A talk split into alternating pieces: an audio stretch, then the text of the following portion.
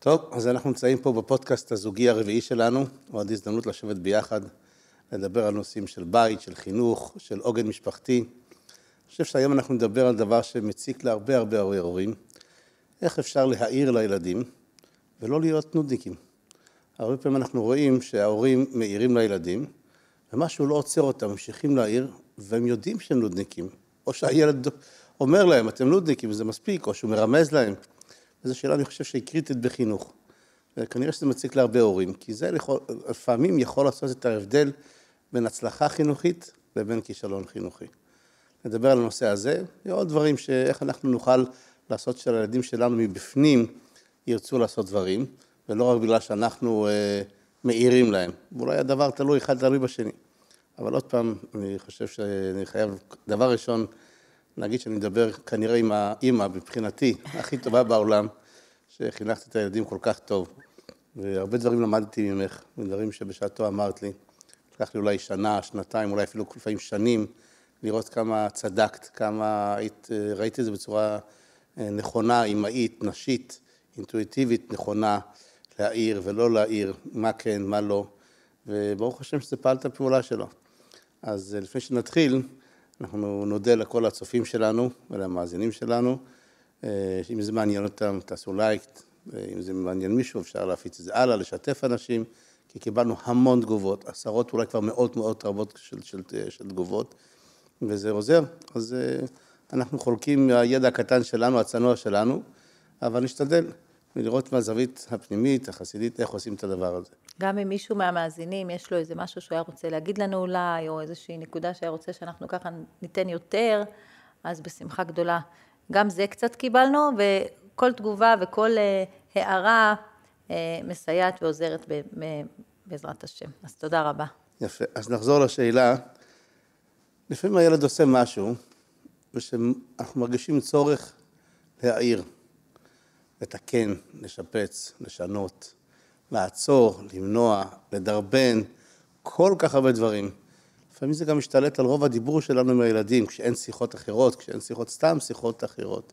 אז זה לפעמים חלק גדול בתקשורת, שזה חיסרון כשלעצמו, נדבר על זה אולי פעם בהזדמנות, שצריך להיות הרבה דיבור עם הילדים מעבר עשה ואל תעשה, קום, שב וכולי.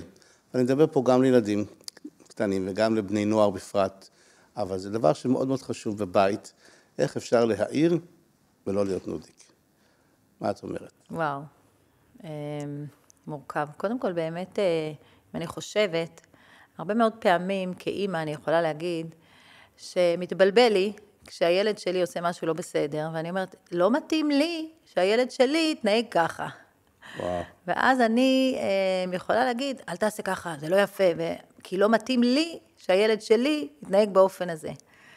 אז נראה לי שאחד הדברים הראשונים זה לזכור קודם כל מה לטובת הילד. זאת אומרת, לזכור שאם אני רוצה להעיר לו, אז הוא צריך לעמוד לנגד עיניי. טובתו, הטובה שלו. כאילו, אם עכשיו הוא לא צחצח שיניים, אני כל יום אומרת לו, השיניים, השיניים, אני אומרת, כאילו, הוא יוצא החוצה ואנשים רואים ויש לו ריח מהפה ואני מרגישה לא נעים.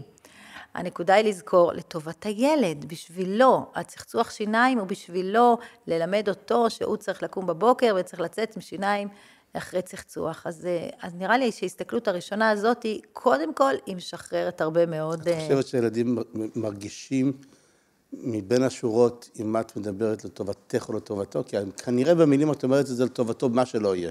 אתה צריך לצחצח שיניים, זה לא בריא לך, זה לא, יהיה לך ריח רע. איך את חושבת שהילד יכול, באמת יכול להרגיש האם את מתכוונת מהזווית שלך או מהזווית שלו? אני חושבת הרבה מאוד פעמים זה מאוד מבלבל. למשל ילד, אה, אפשר ילדים קטנים אפילו, כן? אנחנו הולכים לגן משחקים, ילד מטפס אה, על מגלצ'ה, ואמא אומרת לו, אל תעלה, על, אל תעלה על, על הסולם הזה, אתה תיפול, והילד לא מקשיב לך, והוא עלה על הסולם ונפל.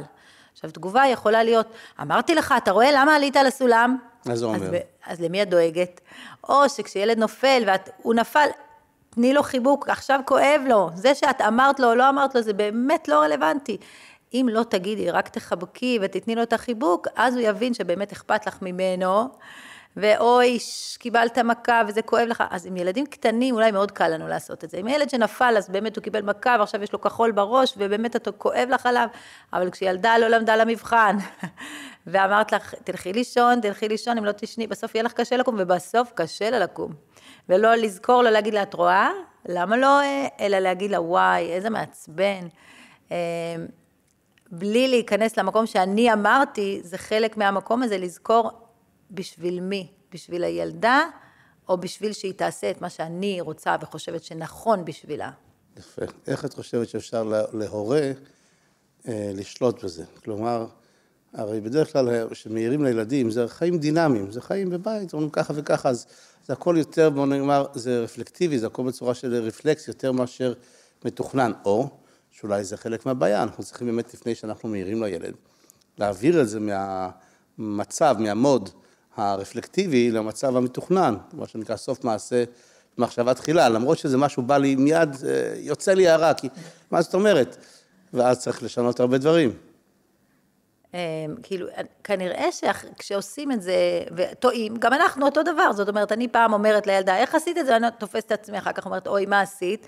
ואומרת לעצמי, אוקיי, פעם הבאה אני, ולאט לאט כאימא, אנחנו ביחד עם הילדים לומדים. הם לומדים להיות אנשים מבוגרים, אנחנו לומדים להיות הורים טובים, וביחד אה, אנחנו לומדים יחד, אז חלק, מה, חלק מהתהליך של ההורות שלנו, זה גם תהליך של למידה על עצמנו גם. כן, כמו שהם ילדים, הם לומדים את החיים, ככה גם אנחנו כן. לומדים יחד איתם להיות הורים. כן. יותר טובים. אז זאת אומרת שזה לא נורא לטעות. זה טבעי לטעות, וגם הילדים יכולים להבין שאנחנו טועים כי אנחנו הורים. אני זוכרת שאמרת לי פעם, שהייתי מאוד מאוד שבורה על משהו שעשיתי לאחד הילדים, אני לא זוכרת מה, ממש, הייתי ממש שבורה מזה, כואב לי מאוד. אמרתי, איך, איך התנהלתי? ואמרת לי, ילדים יש להם כוח גדול לסלוח להורים שלהם. הם, היא תסלח לך, אני לא זוכרת מה, כנראה זה מאוד השפיע עליי ושכנע אותי, אבל כנראה שהורה, זה, ככה הקדוש ברוך הוא ברא אותנו, וילד בסך הכל יודע שבמהות ההורה אוהב אותו. זה מאוד מעניין שיש משהו כזה שילדים, חלק מהתהליך של הגדילה שלהם, מגיע איזה גיל מסוים, וזה עובר, עובר על הרבה מאוד ילדים, שהם בטוחים שהם כנראה מאומצים. אחותי, היא הילדה האהובה, אני המאומצת. זה משהו כזה בתוכם, אין תחושה כזאת שעוברת באיזשהו גיל, אני זוכרת גם שזה עבר עליי. זה קורה, למה זה קורה לילד? כי ילד בפנימיות שלו, זה מה שאני חושבת, מאוד מאוד מאמין שהורה צריך לאהוב אותו בכל מצב. ואז כשהילד מרגיש, אוי, אימא שלי לא אוהבת אותי, היא לא נתנה לי, אז כנראה היא לא אימא שלי. אז יש את האמונה הפנימית הזאת שאומרת, ילד יודע שאימא אוהבת אותי. וכשקצת לא מסתדר, ולכן גם אם טעינו, וגם אם עשינו פה טעות ושם טעות, ואנחנו עושים, עושים ונעשה, אז ילד יש לו את המקום שהוא, שהוא סולח להורים שלו. יפה, יפה. זאת אומרת ככה, אם, כמובן שתמיד צריך להגיד שיש מצבים חריגים, וצריך לערב את גורמים רשמיים ומקצועיים, יש, יש מצבים חריגים, שבאמת יש הורים לא בריאים או מצוקות נפשיות, אנחנו לא מדברים כרגע על זה. אנחנו מדברים בסטנדרט, הורים רגילים, שזה בסדר לטעות. ומה שמיוחד, שני דברים אצל הילדים. אני חושב שעל בסיס זה אמרתי לך. א', ילדים הם מאוד סטגלנים, הם מאוד גמישים, בשונה ממבוגרים. והם יודעים לשנות, ואם ההורה אחר כך משנה את ההתנהגות שלו, הם יותר יחיו עם משהו עכשיו כרגע, ופחות עם משהו היה. כי זה הקדוש ברוך הוא עשה את המעלה, כמו שילד נופל כשהוא לומד ללכת, וקם מהר והמשיך הלאה, בניגוד למבוגרים. דבר שני, כמו שאמרתי, זה דבר מאוד מאוד נכון וחכם, שהילד מרגיש ומאמין שההורים אוהבים אותו. ואם עושים משהו, כנראה שזה לטוב הטוב. ואם לא יצא משהו, בפרט הוא שם לב שהאמא אחר כך מצטערת בגללו שהיא עשתה לא טעות. זה מאוד מאוד כואב לו, אפילו יכול לכאוב לו, שהוא רואה שהאמא מצטערת למה עשיתי לו כך וככה.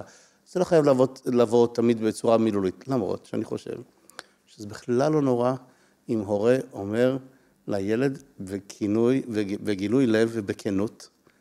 אני מצטער על מה שאתמול לא הייתי, אני חושב שלא לא, לא פניתי לך נכון. כמו שאמרנו בפודקאסט שעבר, שהאדם רעב ועייף, שהגבר עייף ורעב, אז לפעמים ההתנהגות שלו, זה לא הוא, זה ההתנהגות שלו, מותר לו להגיד, תשמע, אתמול הייתי ככה וככה, אני מצטער, אני חושב... או פשוט לשנות את ההתנהגות.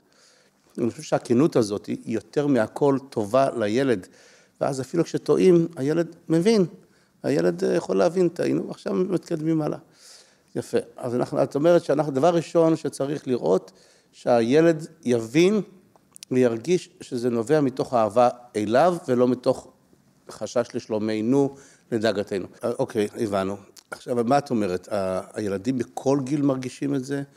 האם ההורים, זאת אומרת, עושים לטובתם שלהם או לטובת הילדים, או שילדים קטנים לא מרגישים את זה, ילדים גדולים יותר מרגישים את זה, או שאולי גם ילדים קטנים יכולים להרגיש כזה דבר, ש, שזה לא מגיע ממקום שזה לטובתם האישית, אלא יותר מתח, עבור ההורים, שלא מתאים לו.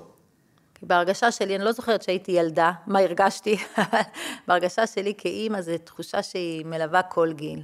ילד מגיל מאוד מאוד צעיר יכול לזהות אם אימא באמת דואגת לטובתי או שהיא דואגת לטובתה. עם זה שהיא לא מאפשרת לי ללבוש את הבגד הזה, היא כי באמת הסוודר הזה יהיה לי חם ואחר כך אני אסבול בגן, או בגלל שהיא לא נעים לה שאחר כך הגננת תסתכל עליה בצורה עקומה בגלל שהילד שלה הלך עם סוודר שהוא ביום כזה. זאת אומרת, הילד מגיל מאוד צעיר, אני ככה חושבת, יכול להרגיש, בטח בגיל מבוגר, בגיל מאוד אה, גדול, כן, ילד מתבגר, שאימא אומרת לו מה לעשות, אי אפשר לנתק את זה, כי באמת אנחנו, אנחנו באמת מרגישים שהילדים שלנו הם מייצגים אותנו, וילד הולך ואתה רוצה, יש לך מקום פנימי שרוצה שייצג אותך, אבל, וזה בסדר, אני לא חושבת שזה דבר לא נכון, אבל אולי משני. זאת אומרת, הדבר הראשון צריך להיות לדאגה של הילד. לא הפירוש שהילד יוביל אותנו בדברים, אלא שהילד ירגיש שגם מה שחשוב לנו כ... כדבר ערכי. לדוגמה, יש מקומות שאנחנו רוצים שהילדים שלנו ייראו בצורה מסוימת, כל אחד במקום שלו. אז הוא מבין שזה בגלל שהערך שאנחנו רוצים להנחיל לו, ולא בגלל שמתאים לי, לא מתאים לי. כי... וזה ההבדל בין תגובה רפלקטיבית לבין תגובה מחושבת. כאשר זה נובע מתוך תגובה, אוי, איך התלבשת ככה, כי בא לי להגיד ככה, כי זה מה שהתגובה הראשונה שיצאה לי מהפה, הוא מיד מרגיש, הוא, הילד חושב, הוא הבין אותי, הוא בדק לי, הוא בדק איתי, אם זה מגיע מתוך ערך, אני חושב שאתה בתור אחד כך וכך, הילד צריך ללכת ככה, הילדה צריכה ללכת ככה, יש ערכים, יש ערכים שמתלווים לכך, אז משהו אחר, גם ילדים יכולים להבין את זה וכולי. זה לא, מה שאמרת קודם, זה לא אומר שהילד יכול להוביל באף את ההורים לכל מקום שהוא רוצה, בגלל שאת חושבת כרגע לטובתו, אז זה לא, זה לא מקביל. אז יכולה לחשוב לטובתו, אבל יחד עם כך להנחיל לו ערך, איך, נכון. אבל הוא מרגיש האם התגובה מגיעה ממקום שמה שמרגיז אותך, או ממקום שמה שאת חושבת בדיוק, עבורו. בדיוק, זאת אומרת, אם, אני, אם דיברנו על איך להגיד להם, איך לחנך, להעיר, זה יכול להיות בצחצוח שיניים, באופן באמת להתלבש בטמפר, מתאים לטמפרטורה שבחוץ, או לדבר באופן שמגיעים אורחים, ואיך אתה צריך לדבר לבן אדם אה, ברחוב, או לעזור לבן אדם. לא משנה, כל ערך שאני רוצה להנחיל. אז באמת לזכור, תוך כדי, ש... מה שצריך לעמוד לנגד עיניי זה לא מה יחשבו עליי, אלא מה לטובת הילד, זאת אומרת בשביל הגדילה שלו, בשביל התהליך שלו. שהוא בסופו של דבר ילמד, זה שאני מדבר יפה לשכן, או שצריך ללמוד איך להתנהג, וככה לא מדברים, או ככה לא, זה לא בגלל שאני, לא מתאים לי שהבן שלי ידבר באופן יפה. הזה, אלא שהוא ירגיש שבאמת אני רוצה שהוא ילמד לדבר באופן הנכון. מקסים, מקסים. בואו ניקח דוגמה. שבתות, שולחן שבת. היה לנו כל כך הרבה במשך השנים, כל כך הרבה אורחים על שולחן שבת. כשילדים קטנים, לפעמים מתנהגים בצורה שלא בדיוק תכנן שזה יקרה.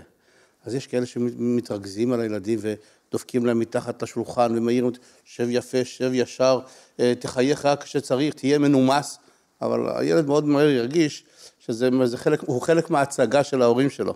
הוא לא הוא, הוא חלק מההצגה. ויש אבל הבדל, כשאתה רוצה להגיד, לילד, לך טוב שתהיה בצורה, אתה רוצה ככה להתנהג, שהאורח ירגיש בנוח. נכון, אבל אני, לפעמים אנחנו באמת משפחה, לפעמים באמת חשוב לנו כמשפחה לייצג משהו מסוים. זאת אומרת, לפעמים אם אנחנו נגיד לילדים, תקשיבו, עכשיו אנחנו הולכים ל... לבית של ראש העיר, ובבית הזה אנחנו צריכים להתנהג בשקט ובעדינות וב, ובצורה נח, נחמדה, והם יודעים שאנחנו עכשיו זה כמשפחה, זה הצורה שבה אה, ככה מדברים וצריכים להתנהג אה, בעדינות ובדרך ארץ ובשקט, אם אנחנו יוצרים את זה באופן כזה. זה בסדר גמור, כי זה לא...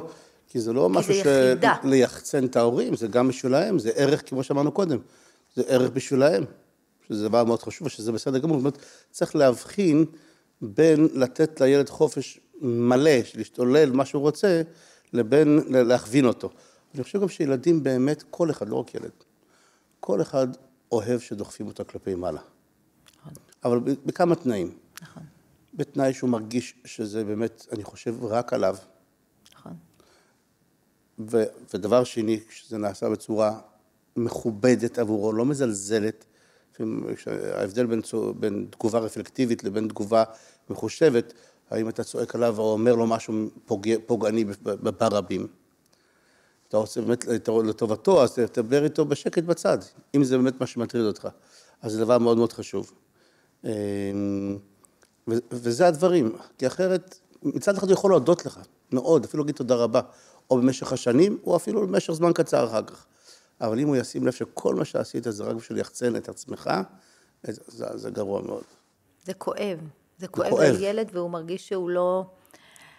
אני לא רוצה להיות זה שמייצג אותך, אני אישיות בפני עצמי, יש בי את התחושה והרצון להיות מי שאני ולא... אוקיי, יפה מאוד. עכשיו עוד דבר. ההבדל בין אם הורה מגיב בתגובות רק רפלקטיביות לבין זה שהוא חושב, זה ההבדל בין חינוך לטווח קצר לחינוך לטווח ארוך. כלומר, חינוך בעיקרון אמור להיות לטווח ארוך. אני רוצה להנחיל לילדים שלי ערכים שלא רק עכשיו יעשו ככה, כשאני מסתכל עליהם ואני בוהה בהם, מסמן להם, אלא גם כשאני לא בבית, אני יכול לישון ולדעת שהם יתנהגו והם בדיוק כמו שהערך מונחל. זה חינוך, זה המהות האמיתית של חינוך. יש לפעמים דברים של חינוך לטווח קצר, אין מה לעשות. למשל, ילד קטן שמשחק עם סכין, אז חייבים, חייבים להעיר, אין, אין, אין ברירה, זה פשוט חייבים עכשיו למנוע. וגם גם אז התגובה לא צריכה להיות רפלקט, רפלקטיבית. אבל בעיקרון, תשאיר את הדברים, שים את הדברים, ואז כל דבר מתוכנן אחרת. איך אני אומר לילד את הדבר שאני רוצה להגיד לו, מתוך רצון שהוא יעשה את זה כשאני פה, כשאני לא פה, ולא רק כשאני מסתכל עליו, כי אני לא יכול להיות שומר עליו כל החיים. כן, זהו, אני זוכרת משפט שאימא שלי, שתהיה בריאה, הייתה אומרת לנו, היא אומרת, אני רוצה לחנך את הילדים שלי לא להיות ילדים טובים, אלא להיות מבוגרים טובים. וואו. מה שאנחנו רוצים, שהילד יגדל להיות אדם מחונך, לא ילד מחונך. ולפעמים זה על חשבון הילד המחונך. אני מתכוונת, לפעמים בשביל שהילדה שלי תלמד אה, לעשות משהו מסוים, אז בתהליך הלמידה שלה אני צריכה קצת לוותר, ואני אומרת, אוקיי, אז אני ראיתי שהיא לא עשתה את מה שביקשתי עוד יום, בשביל שזה יהפוך להיות חלק ממנה, ואני אומרת, אני יודעת שכשהיא תגדל, כשבעזרת השם היא תעזוב את הבית, ושהיא תנהל בית משלה, שזאת המטרה שלי בסופו של דבר, אז זה יהפוך להיות חלק ממנה. נכון, עכשיו זה יכול להיות אפילו משהו מאוד קטן, נגיד בלעזור בבית, כן? אז יש לי מישהי שהיא לא רוצה לשטוף כלים, והיא לא רוצה, ו... עכשיו אני יכולה להגיד לה, תקשיב, אני חייבת שתשטפי כלים, הכלים האלה, ואני יכולה להגיד, אוקיי, אז הכלים לא יהיו שטופים, היא לא תשטוף כלים, אני יודעת שבעזרת השם בבית שלה, היא תשטוף את הכלים, ולפעמים אני מעדיפה שזה לא יהפוך להיות פה מין משהו, מה שחשוב לי, שהיא תגדל, שם היא תדע לעשות את הדבר כמו שצריך. איך, איך את יודעת? את, את מציגה דבר שהוא נפלא, אבל השאלה איך באמת אני יכול לדעת בזה שאני לא אבקש כרגע את העזרה, או אני לא אבקש כרגע לעשות את המצווה או את הערך, את הדבר שלמרות שאני, שהוא לא רוצה לעשות את זה כרגע, שהיא לא רוצה לעשות את זה כרגע, אבל כשהיא תגדל, אלא דווקא שתתמדי, שתתחתן, נדבר אפילו לפני כן. איך את שמה לב מתי הוויתור הוא כזה ויתור שמוותר, ואז מאבד את הערך, או שזה ויתור, מה שנקרא צעד אחור, על מנת לקבל שניים, כן. שני צעדים קדימה. זאת אומרת, אולי יש, איך אני מנחילה לה ערך. זאת אומרת, איך אני מעבירה לה באמת מסר שאני רוצה, שהיא תעשה, שאני רוצה שהוא יהיה בה, אפילו שכאילו אני עכשיו מוותרת לה. בדיוק, כי, כי הטבע אומר, בוא תעשה את זה כאן ועכשיו. ואת אומרת, רגע, אני לא, לא רוצה לנלחם על כאן ועכשיו, שיתנהג יפה כמו שאני רוצה עכשיו. אני רוצה שעוד שלוש שנים, ארבע שנים, שאני אדע... אז איך את יודעת מה, מתי הוויתור הוא כזה ומתי הוויתור הוא כזה? וואו, אמ, אני חושבת שיש מקום מאוד אינטואיטיבי פנימי. אני זוכרת אחת, אה, הייתה לנו מישהי שהייתה ככה עושה אצלנו בייביסיטר, ואצלה בבית היה אסור ממתקים, בשום אופן. כשהיא הייתה ילדה קטנה, אם היה אצלנו אה, איזה ביסלי במבה, אז היא תמיד רצתה לקחת. אם הייתה איזה סוכריה, ואמרו, כאילו, אני רק זוכרת את השיחה על זה, כאילו, ההורים שלהם, הם לא, הם לא מרשים לה ביסלי במבה, אז כל מקום שיש מסיבה, היא, היא רוצה את הביסלי במבה, זה לא ילמד אותה. אבל כשהילדה הזאת גדלה, והייתה בת 16 ובת 18, היא כבר לא אכלה ביסלי במבה, זה היה משהו שדחה אותה והיא בשום אופן לא הסכימה להכניס את זה. זאת אומרת, יש מקום, יש מקום גם לזה שזה לא, ואני לא מסכימה, זה דוחה, ביסלי ובמבה זה דבר מגעיל, זה לא בריא, זה לא זה, לא רוצה לדעת מה אתם עושים בחוץ, לבית זה לא ייכנס, מאוד ב, בשום אופן, והילד, גם אם עכשיו הוא קצת אוכל ביסלי במבה פה וביסלי במבה, בסוף כשהוא גדל, הביסלי במבה לא ייכנס אליו הביתה, זאת אומרת... אבל איך אני יודע, איך אני יודע מתי זה יהפוך אולי אצלו לאובססיביות, שבגלל שהוא לא קיבל בבית יהיה לו חסר, ואז הוא דווקא יחפש את זה בכל מקום, ואיך באמת אני יכול להניח את הדעת, שכשהוא יגדל, אז הוא באמת יגיד, אה, באמת ינח... יבין שזה לא, לא משהו שהוא רוצה בבית שלו. זה מה שאני אומר, אני, נראה לי שאני מנסה לחשוב על דברים בבית שאני uh, מנסה להנחיל לילדים, ערכים. Uh, uh, אני לא חושבת שכשהילדים, אם ילד יודע מה אני רוצה, ילדה יודעת שזה, אני לא אוהבת שהיא כל היום בטלפון. אם אני עוד פעם אגיד לה ועוד פעם אגיד לה ועוד פעם אגיד לה, זה לא באמת יעזור לה להכניס, להפנים את הערך. זאת אומרת, היא יודעת שזה ערך בעיניי ושאני חושבת שזה חשוב. ואני יכולה להחמיא לה כשאני רואה שזה לא קורה. ואני יכולה, אם אני חוששת שאולי היא שכחה, אז אני יכולה להזכיר לה. אני יכולה לשאול אותה. זאת אומרת, אחד הדרכים שאני מרגישה שמאוד עוזר זה לשאול את הילד מה את חושבת. אה, זה דבר טוב לך? היית רוצה שאני אזכיר לך כשאת... אה, אה, את רוצה לבד להחליט? את רוצה שאני אזכיר לך? וגם הייתי לפעמים שואלת על עצמי.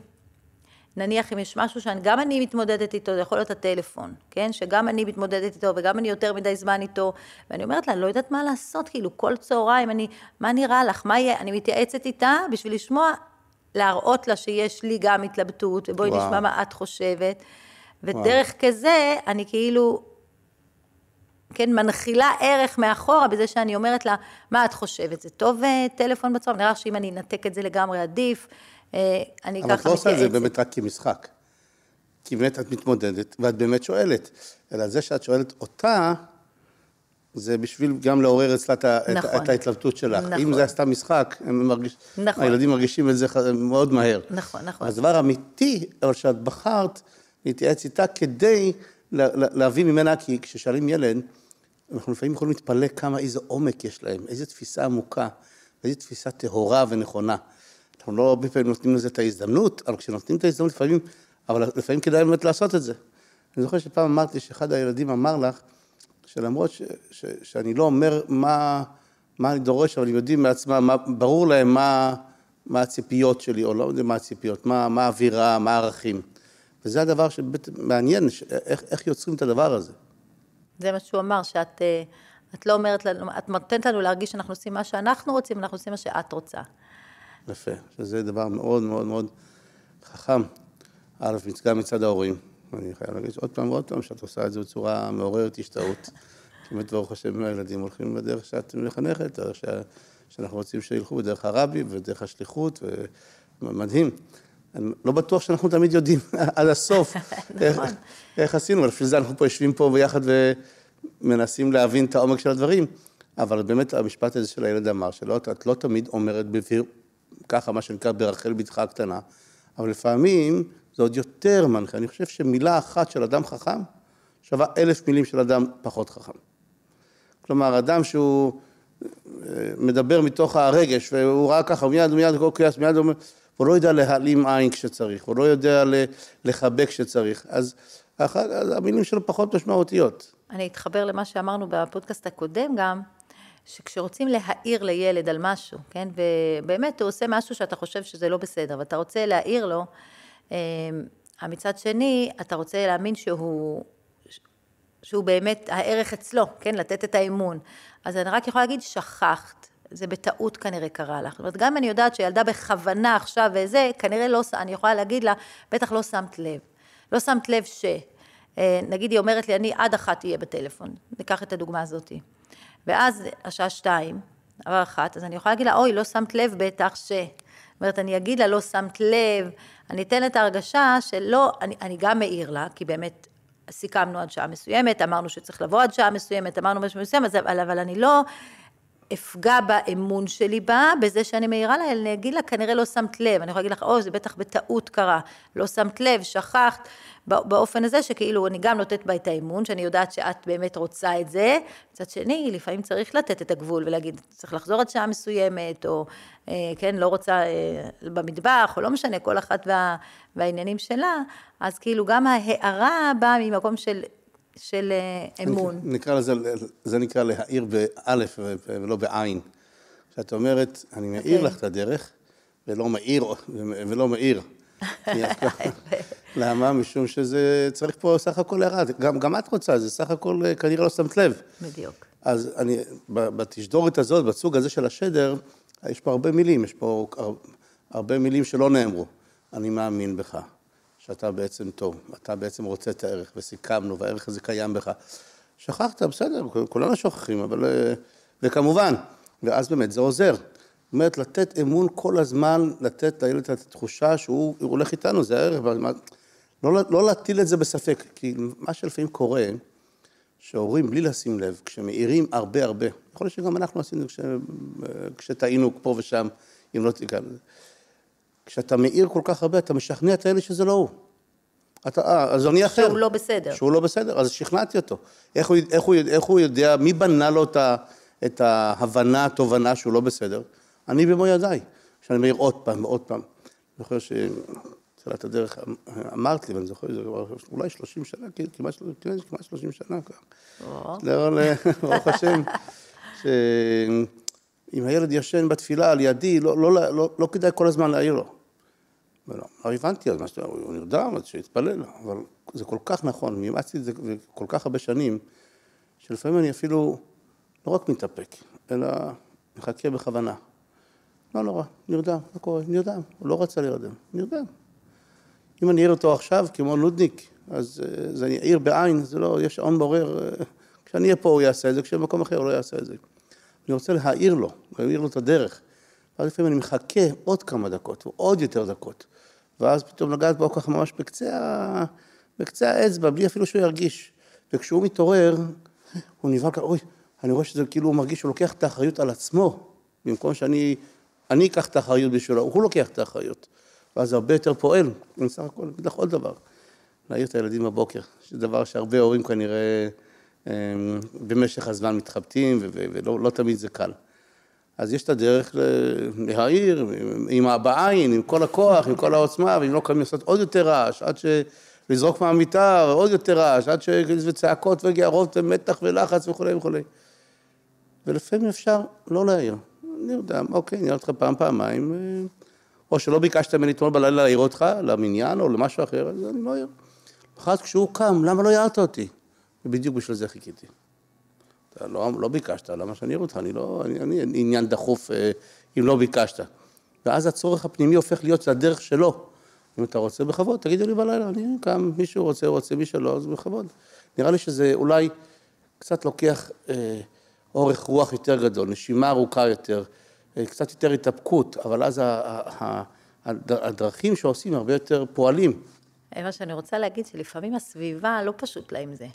כי לפעמים בבית ספר, או אנשים כאילו יכולים להעיר, מה זה, ילדה לא באה לבית ספר, הילד לא בסדר, איך אתם לא לוקחים אחריות, אתם כהורים צריכים לקחת אחריות, ובית ספר או הסביבה יכולה להתייחס לפעמים לא בסלחנות כלפי דברים שאתה בבית מרגיש שזה מה שנכון לילד, וכרגע בשביל שהילד יגדל להיות מבוגר, אה, בעל ערכים ועצמאי ובאמת אה, שמקבל החלטות לעצמו, לפעמים אתה צריך לתת לו ליפול בדרך ולטעות והסביבה לפעמים לא כל כך מחבקת ולפעמים הסביבה, אה, וצריך להיות מאוד מאוד במקום ישר עם עצמך, לא להיבהל מזה שלפעמים המורה תרים טלפון או מישהו יגיד ואז אני יכולה, וזה קרה לנו, ואז אני יכולה להרים טלפון, ואז אני אומרת לילדה, תקשיבי, המורה התקשרה, היא שואלת למה אני לא לוקחת עליך אחריות, איך אני לא דואגת, אולי זה התפקיד שלי באמת לדאוג שאת אה, זה, אולי אני זאת שצריכה, ואז כבר זה איזשהו דיאלוג בינינו.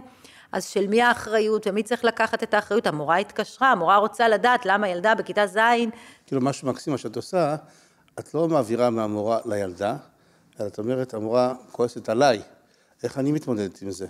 בעצם זה מה שאת עושה, תגידי לי, הרבה פעמים קורה שילדים, רק בגלל הדבר הזה, מרגישים לא בנוח, אוי, למה שמתי את האימא שלי ב- או את האבא שלי בכזה מצב לא נעים?